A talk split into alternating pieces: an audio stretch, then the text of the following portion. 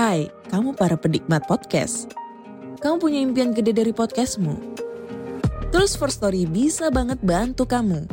Mulai dari F-Link, Dynamic Audio Insertion, sampai statistik yang komprehensif. Semua ada di First Story. Gak ketinggalan kamu bisa monetisasi podcastmu lewat iklan dari First Story Ads yang bisa kasih kamu penghasilan dari setiap place podcastmu. Yuk gabung sekarang dengan klik di firststory.me. Sekali lagi, klik di firststory.me. Mari kita bawa mimpi podcastingmu menjadi kenyataan.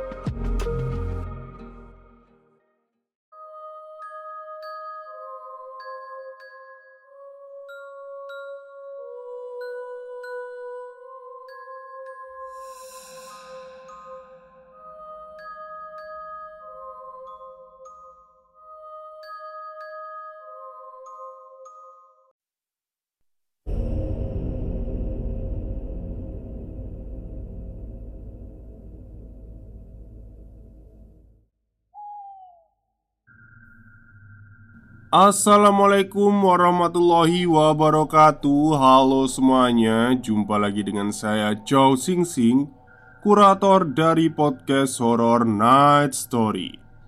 Halo apa kabar semuanya? Semoga kalian semua sehat-sehat ya. Dan seperti biasanya pada hari ini saya kembali dan akan membawakan sebuah kisah mistis untuk kalian semua. Kisah mistis kali ini saya dapatkan dari website Quora ya Yang ditulis oleh Mas Bagas Suprakasa Yang kejadian ini terjadi di sebuah pemukiman kumuh yang ada di Jakarta. Oke daripada kita berlama-lama Mari kita simak ceritanya Cerita ini sebenarnya lebih kesedih sih, meskipun ada seramnya.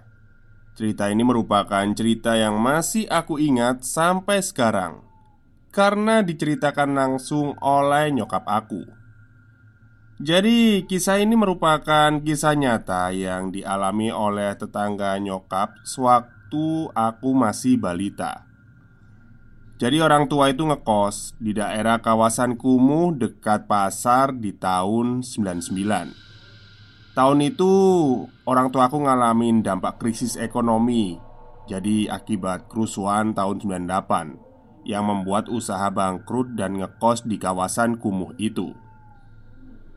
Singkat cerita Jadi di depan kontrakan kecil itu tinggallah keluarga miskin yang berisikan 9 anggota terdiri dari Pak Sutri dan tujuh anaknya. Lokasinya di Jakarta. Membayangkannya saja sudah sesak untuk hidup di kontrakan sesak berisi sembilan manusia. Pak Sutri ini bernama Pak Anto dan Bu Endang. Pak Anto merupakan petugas kebersihan yang kerjanya sangat rajin dan juga tekun. Sedangkan Bu Endang bekerja serabutan yang kala itu jadi buruh cuci. Mereka harus merasakan kesulitan ekonomi akibat banyaknya anak yang harus mereka nafkahi. Rasanya sangat kurang dari kata cukup. Jangankan untuk bayar kontrakan, untuk makan saja susah. Bahkan mereka sering makan mie instan dua bungkus dimakan satu keluarga.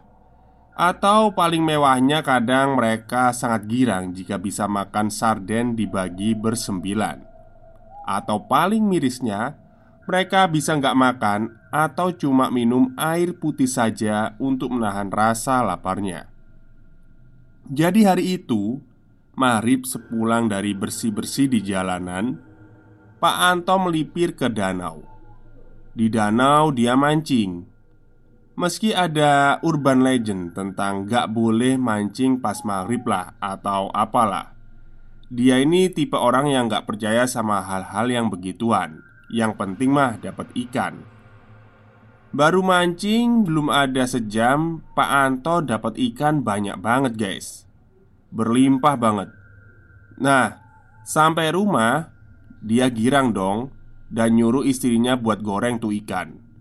Semua anaknya berkumpul di kosan berdempetan Untuk siap menyantap ikan-ikan lezat itu Ikan goreng yang lezat siap disajikan dan mereka pun semuanya melahap. Anak balitanya pun disuapin ikan. Mereka bahkan sampai nambah ikannya Karena ikannya masih ada sisa banyak. Setelah makan Sebagian anaknya mainlah keluar sama teman-temannya yang lain. Sebagian yang lain di kosan dan bapak sama ibunya Ngaso dikontrakan karena kekenyangan habis makan ikan Waktu itu pukul 10 malam waktunya tidur Karena anak-anaknya besok pada sekolah.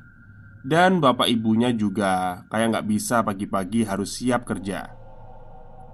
Hingga jam 8 pagi. Tumben banget pintu kontrakan Pak Anto masih ketutup rapat. Dan anak-anaknya pun belum pada keluar dari rumah itu untuk berangkat sekolah. Nyokap waktu itu penasaran Akhirnya ngetuk pintu rumahnya Karena mereka itu dikenal akrab dan deket. Berniatlah nyokap buat bangunin mereka. Disangkanya kan mereka bangun kesiangan ya. Nah, pas diketuk gak dibuka. Dan nyokap penasaran Coba buka gagang pintunya. Karena nggak dikunci juga. Pas dibuka mereka semua kayak tidur telentang Kayak ikan pindang. Dan isi kontrakannya itu Ah baunya amis banget Bau muntah. Si Pak Anto kayak bersuara lirih minta tolong gitu. Nyokap langsung panggil bokap Buat memapah tubuh Pak Anto. Langsung diralikan ke rumah sakit. Pak Anto diwawancara kenapa dia bisa lemes sampai kayak gitu. Pak Anto jawab Katanya Dia maghrib kemarin mancing ikan di danau dan dapat ikan banyak Jenis ikannya tuh kayak mirip antara ikan bawal atau ikan petek Tapi mata ikan itu kayak nggak biasa Melotot aneh gitu Kayak bukan ikan yang wajar Tapi ya karena lapar ya, ya dimakan aja Nah, Pas malam, salah satu anaknya ngeluh sakit perut dan muntah-muntah di kamar mandi. Terus diikuti oleh anak-anaknya yang lain pada mual dan muntah. Perlahan istrinya juga ngeluh, kepalanya pusing banget. Pak Anto yang selalu berpikir positif, ya mikirnya palingan mereka masuk angin. Karena musim itu cuacanya nggak bagus kan, musim hujan. Tinggal minum air putih dan ditidurin berharap cepat pulih Eh, reaksi Pak Anto tiba-tiba ototnya kayak lumpuh gitu Lemes parah Kepalanya mulai pusing dan berat Saking gak kuatnya berdiri Dia muntah di kasur tikarnya Dia benar-benar gak kuat buat berdiri Dia manggil anak-anaknya dan istrinya Tapi mereka gak nyaut Muka mereka udah pucat dan banyak yang muntah. Ya, mereka semua keracunan ikan. Istrinya ternyata sudah meninggal sebelum dilarikan ke rumah sakit. Lalu, satu persatu anaknya juga meninggal dunia selama di opname. Dan gak lama habis itu, Pak Anto juga ikutan meninggal. Waktu itu satu kampung heboh karena keracunan ikan bisa meninggal. Entah apa ada hubungannya sama hal mistis atau disangkut pautkan sama keracunan ikan Atau mungkin ikan itu makan limbah ya Yang jelas danau yang saya maksud ini memang angker guys. Sering dulu banyak yang tenggelam di sini karena nekat berenang Atau ada yang pas mancing kepleset jatuh lalu lenyap begitu saja.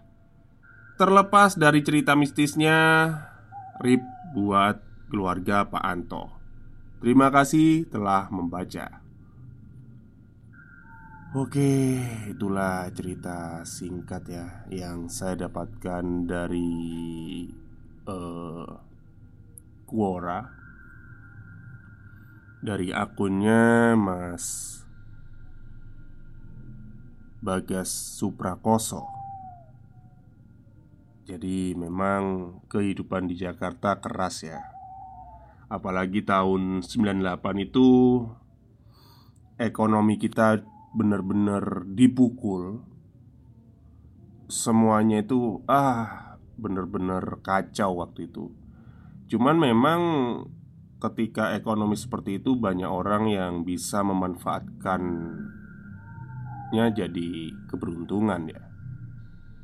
Jadi waktu itu memang ekonomi kita benar dipukul Asia Tenggara, Korea, Kamboja, Thailand, semuanya itu kena semua. Cuman kalau kita memang orang yang bisa memanfaatkan hal itu, ya bisa jadi kaya kita. Itu yang saya lihat di film Default yang ada uh, Korea ya, film Korea Default itu bagus itu.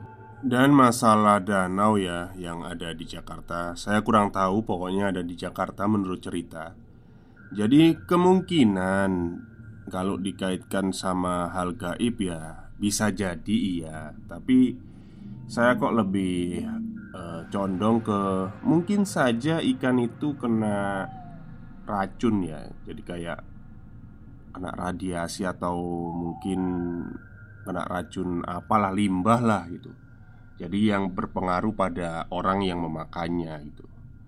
Oke, mungkin itu saja cerita untuk hari ini. Semoga kalian suka. Wassalamualaikum warahmatullahi wabarakatuh.